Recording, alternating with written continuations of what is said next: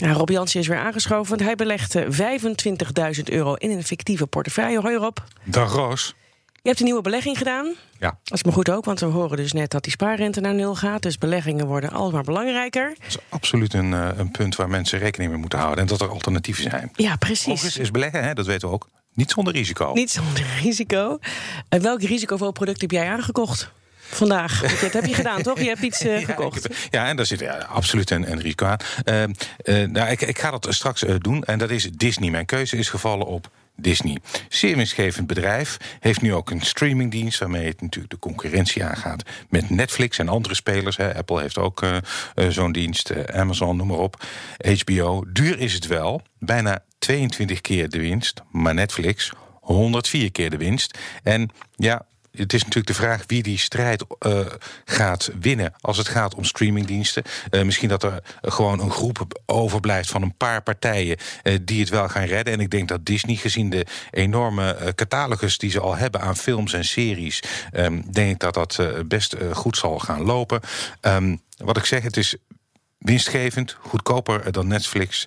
En het is ook een sector waar ik gewoon nog niet in zat. Dat heeft mede de doorslag gegeven. Want dat is natuurlijk ook goed voor spreiding. Dat is een van de uh, achterliggende gedachten. Verstandig beleggen lange termijn. Moet je ook uh, spreiden. Nou, ik heb inmiddels al uh, wat aandelen. Maar entertainment zat daar niet in.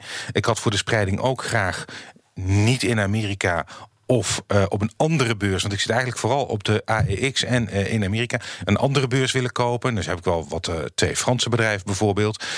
maar ja, ik wilde toch graag entertainment, ja. En wil je entertainment, dan moet je natuurlijk wel in Amerika zijn. Precies, en dan neem je Disney. Heb je, je hebt twee kinderen. ik weet het niet, dat telt ook allemaal helemaal niet mee. Hey, je hebt ook Proces, eventjes ja. over je portefeuille gesproken. Ja. Uh, ook in het nieuws, want het heeft de strijd om Just Eat verloren van Takeaway. Ja. Heeft dat gevolgen voor jouw portefeuille? Nou, eigenlijk niet eens zo slecht. Een hele gekke, uh, wat je misschien niet zou verwachten... maar rond uh, het moment dat het bekend werd... gingen ze allebei omhoog. Zowel Takeaway, want daar waren de beleggers blij dat het gelukt was... En ik denk dat heel veel uh, aandeelhouders van Proces blij waren dat uh, Proces heeft verloren. Want die zouden een behoorlijk bedrag aan contanten betalen. Al ja. moet ik zeggen. En dat ging dan dus niet naar hen. Dat ging dan niet naar hen. Ja. Ik moet zeggen, Proces kan dat makkelijker betalen. Hoe dan ook, de koers van Proces.